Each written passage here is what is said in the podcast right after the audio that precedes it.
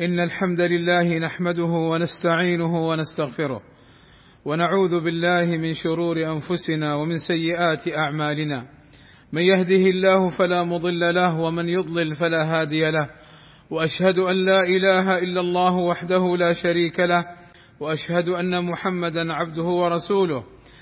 يا أيها الذين آمنوا اتقوا الله حق تقاته ولا تموتن إلا وأنتم مسلمون.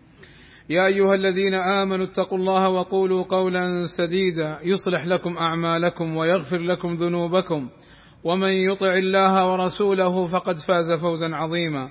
ألا وإن أصدق الكلام كلام الله وخير الهدي هدي محمد صلى الله عليه وسلم وشر الأمور محدثاتها وكل محدثة بدعة وكل بدعة ضلالة وكل ضلالة في النار. أما بعد فيقول ربنا سبحانه وتعالى مبينا مراحل الإنسان العمرية. الله الذي خلقكم من ضعف ثم جعل من بعد ضعف قوة ثم جعل من بعد قوة ضعفا وشيبة. يخلق ما يشاء وهو العليم القدير. فيذكرنا الله عز وجل بابتداء خلقنا من ضعف وذلك من خلق الإنسان نطفة إلى أن يولد. وهو في سن الطفولة وهو إذ ذاك في غاية الضعف وعدم القوة والقدرة. ثم ما زال الله يزيد في قوته شيئا فشيئا حتى بلغ سن الشباب واستوت قوته وكملت قواه الظاهره والباطنه ثم انتقل من هذا الطور ورجع إلى الضعف والشيبة والهرم. والوصاية بكبار السن معلومة ومشهورة في القرآن والسنة وهدي السلف الصالح رضوان الله عليهم. قال صلى الله عليه وسلم إن من إجلال الله إكرام ذي الشيبة المسلم. وقال صلى الله عليه وسلم ليس منا من لم يرحم صغيرنا ويعرف حق كبيرنا. وقال صلى الله عليه وسلم ليس من أمتي من لم يجل كبيرنا ويرحم صغيرنا ويعرف لعالمنا.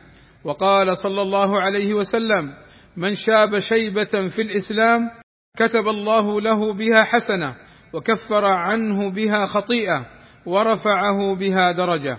فالشيب وكبر السن ليس عيبا أو نقصا بل جعل الإسلام مكانة كبيرة لكبير السن من الاحترام والتقدير والتوقير. وخير الناس من طال عمره وحسن عمله. قال صلى الله عليه وسلم خير الناس من طال عمره وحسن عمله وشر الناس من طال عمره وساء عمله. بل الخير والبركة مع الأكابر لما لهم من العقل والحكمة والبعد عن السفه والطيش. قال صلى الله عليه وسلم البركة مع أكابركم. وقد أمر النبي صلى الله عليه وسلم بتقديم كبير السن عند الكلام. حيث جاءه ثلاثة من الصحابة رضي الله عنهم في قضية فأراد أحدهم أن يتكلم فقال له النبي صلى الله عليه وسلم كبر كبر أي دع الكلام لكبير السن. وأمر صلى الله عليه وسلم أن يقدم كبير السن عند تساوي الحفظ والعلم بالسنة حيث قال صلى الله عليه وسلم لمالك بن الحويرث وصحبه ارجعوا إلى أهليكم فعلموهم ومروهم وصلوا كما رأيتموني أصلي فإذا حضرت الصلاة فليؤذن لكم أحدكم وليؤمكم أكبركم. وقدم الكبير صلى الله عليه وسلم في التعامل قال صلى الله عليه وسلم أراني في المنام اتسوك بسواك فجاءني رجلان أحدهما أكبر من الآخر فناولت السواك الأصغر منهما فقيل لي كبر فدفعته إلى الأكبر منهما. وأمر صلى الله عليه وسلم بتخفيف الصلاة مراعاة لحال كبير السن. قال صلى الله عليه وسلم إذا صلى أحدكم بالناس فليخفف فإن فيهم السقيم والضعيف والكبير. وإذا صلى أحدكم لنفسه فليطول ما شاء. والسنة أن يسلم الصغير على الكبير. قال صلى الله عليه وسلم يسلم الصغير على الكبير. والله أسأل لي ولكم التوفيق والسداد وأن يغفر لنا الذنوب والآثام. إنه سميع مجيب الدعاء. الحمد لله رب العالمين والصلاة والسلام على المبعوث رحمة للعالمين وعلى آله وصحبه أجمعين عباد الله. وإن من أعظم الناس حقا عند كبر سنه الوالدين. قال صلى الله عليه وسلم رغم أنف رجل ذكرت عنده فلم يصل علي ورغم أنف رجل دخل عليه رمضان ثم انسلخ قبل أن يغفر له ورغم أنف رجل أدرك عنده أبواه الكبر أو أحدهما فلم يدخلاه الجنة فينبغي مراعاتهما والاهتمام بهما والقيام بشؤونهما وتوفير سبل الراحة والحياة الطيبة لهما وعدم إيذائهما بكلام أو فعل أو تضجر أو تأفف أو إشعار بالضيق منهما. فإن الوالدين يشعران بذلك من كلماتك أو نظراتك أو تصرفاتك وإياك ثم إياك أن ترفع صوتك عليهما أو تفعل ما من شأنه أن يؤذيهما. انسيت كيف قاما عليك وأنت صغير؟ ألا تذكر كيف كانا يهتمان بك؟ ألا تستحي أن تسيء إلى من أحسن إليك؟ ألا ترعوي أن تعقهما وتقطع الإحسان إليهما؟ وهما سبب وجودك.